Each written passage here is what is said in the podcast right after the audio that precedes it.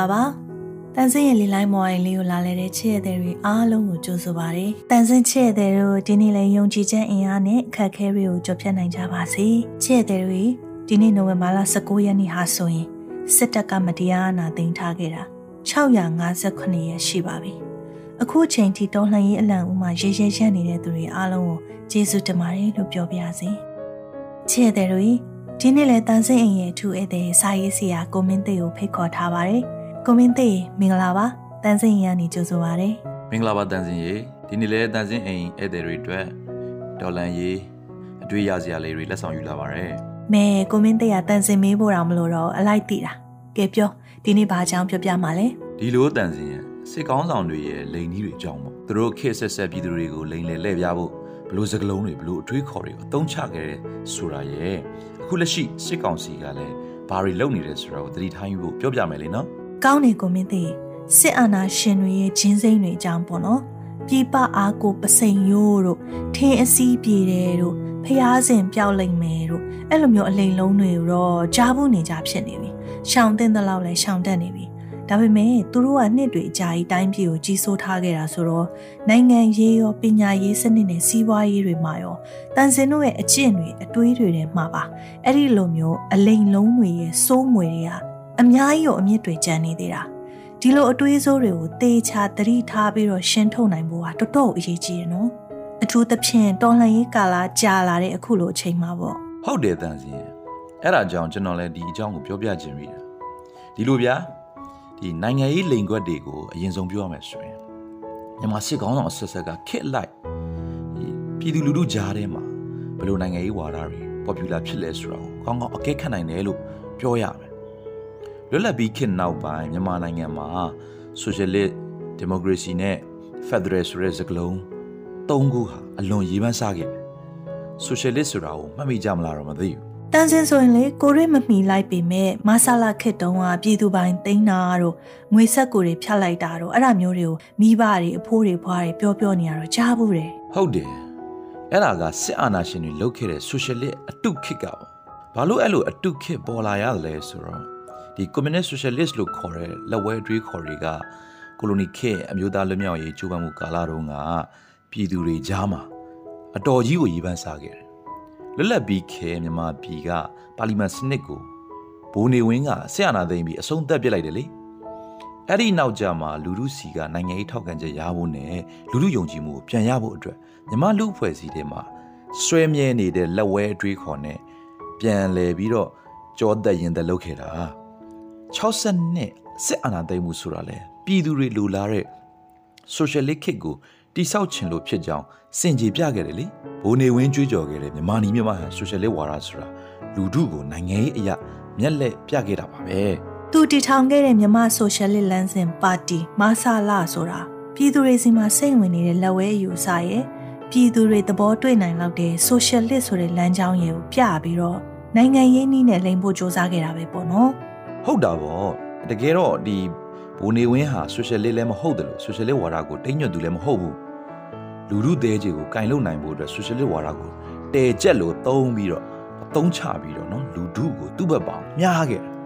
လူထုကလည်းဘိုနေဝင်းရဲ့သွေးဆောင်ဖျားရမှုမှာပါသွားတယ်လေအဲ့နောက်ဆိုရှယ်လစ်လမ်းစဉ်ဟာဘယ်လိုဖြစ်သွားလဲဆိုတော့တော်တော်များသိပြီးသားမဟုတ်လား 88လူထုဒီမိုကရေစီအရေးတော်ပုံပေါ်လာတော့ဆိုရှယ်လစ်အတူပြတ်သွားတယ်မလားပြည်သူတွေကအထွေထွေရွေးကောက်ပွဲကျင်းပပေးဖို့တောင်းဆိုခဲ့ကြတယ်လေအဲ့ဒီနောက်မှာတော့ပါတီစုံရွေးကောက်ပွဲအတူဆိုတာပေါ်လာတာပေါ့နဝတအာနာသိန်းစစ်ဆိုရကလူတွေအများကြီးတက်လို့ဝမ1990ရွေးကောက်ပွဲကိုလှုပ်ပေးတယ်မျိုးသားဒီမိုကရေစီအဖွဲ့ချုပ်ကမဲအပြတ်သက်နိုင်တော့လေအာနာလွှဲမပေးဘူးလေဟုတ်တယ်လေ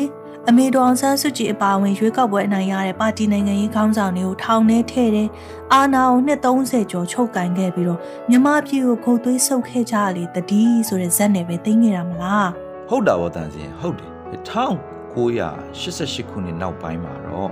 ပြည်သူတွေကစစ်အာဏာရှင်စနစ်ကိုဖြိုချဖို့နဲ့ပါတီစုံဒီမိုကရေစီစနစ်တည်ထောင်ဖို့တိတ်ပြီးလိုလားကြတယ်ဒီမိုကရေစီကြွကြော်တန်တွေကိုဒီဇိုင်းမှန်မှန်တောင်းဆိုကြတယ်အကြမ်းဖက်ပြီးဖိနှိပ်လဲအတန်တွေမတိတ်တော့ နောက်ပိုင်းမြန်မာလူထုကိုဒီမိုကရေစီကိုတခါအုပ်ပြီးသွေးဆောင်ဖျားယောင်ဖို့မြန်မာစစ်ခေါင်းဆောင်တွေကထပ်ပြီးစူးစမ်းလာကြပြန်တယ်ဒါကတော့ဒီမိုကရေစီအတုဖြစ်လာမယ်2008ဖွဲ့စည်းပုံအခြေခံဥပဒေကိုပြဋ္ဌာန်းဖို့လှုပ်လာစီကံပြေဝသောပါတီစုံဒီမိုကရေစီစနစ်ဆိုတဲ့စကားလုံးတွင်တွေကြီးသုံးလာကြတော့တာပေါ့စစ်တပ်ကနိုင်ငံအာဏာကိုဆက်ပြီးတော့လက်ဝက်ကြီးအုပ်ဖို့2008ချေဥကိုအသုံးချတဲ့လိန်စင်တွေပြည်သူတွေလိုလားတဲ့ဒီမိုကရေစီကို9နှစ်10နှစ်လောက်ပဲအာသာပြေရတာခံငိုင်းခဲ့တဲ့ဒီမိုကရေစီအတူကြီးပေါ့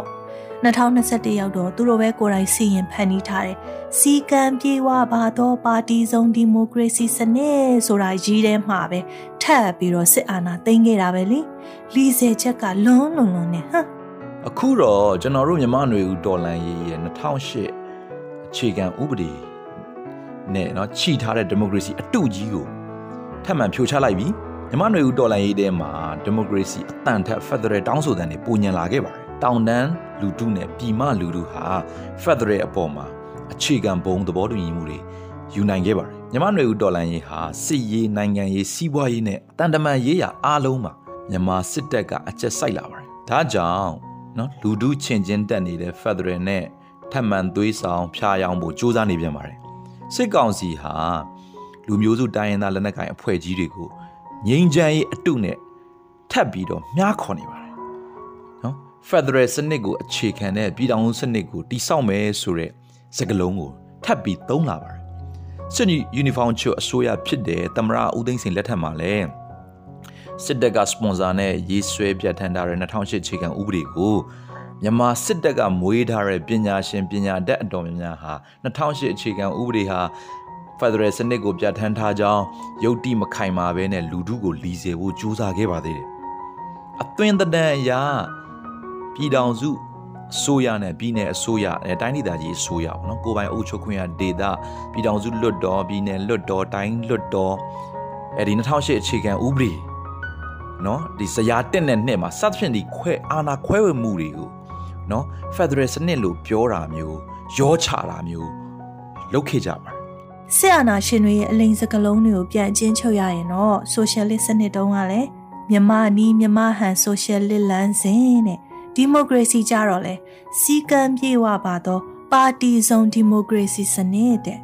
အခုလဲလာပြန်ပြီဖက်ဒရယ်စနစ်ကိုအခြေခံတဲ့ပြည်ထောင်စုစနစ်တဲ့တလိန်မောတလိန်ဆင့်နေတဲ့စစ်အာဏာရှင်တွေရဲ့လောက်ကွက်တွေပဲပေါ့ဟုတ်တယ်မြန်မာစစ်ကောင်းဆောင်အဆက်ဆက်ဟာသူတို့လက်ထဲမှာအာဏာမြဲရေးကိုပဲအဓိကထားတယ်သူတို့လိုချင်တဲ့အာဏာကိုအကြမ်းနီးနဲ့လက်ဝဲယူလို့ရရင်ရတကယ်လို့မရခဲ့ဘူးဆိုရင်တော့လူလူဆန္ဒကိုလိုက်ရောသလိုလိုနဲ့ ပါလဲနားရိုက်ပြီးလှုပ်တဲ့အချိုမျိုးခဏခဏချိုးတယ်သေချာတာပေါ့2021မှာလဲအာဏာကိုလက်လွှတ်ရမှာကြောက်လို့စစ်တပ်ကအာဏာသိမ်းခဲ့တာပဲလေဒါပေမဲ့ပြည်သူတွေကလက်မခံဘူးဆိုပြီးတော့ဝိုင်းဆန္ဒပြကြတယ်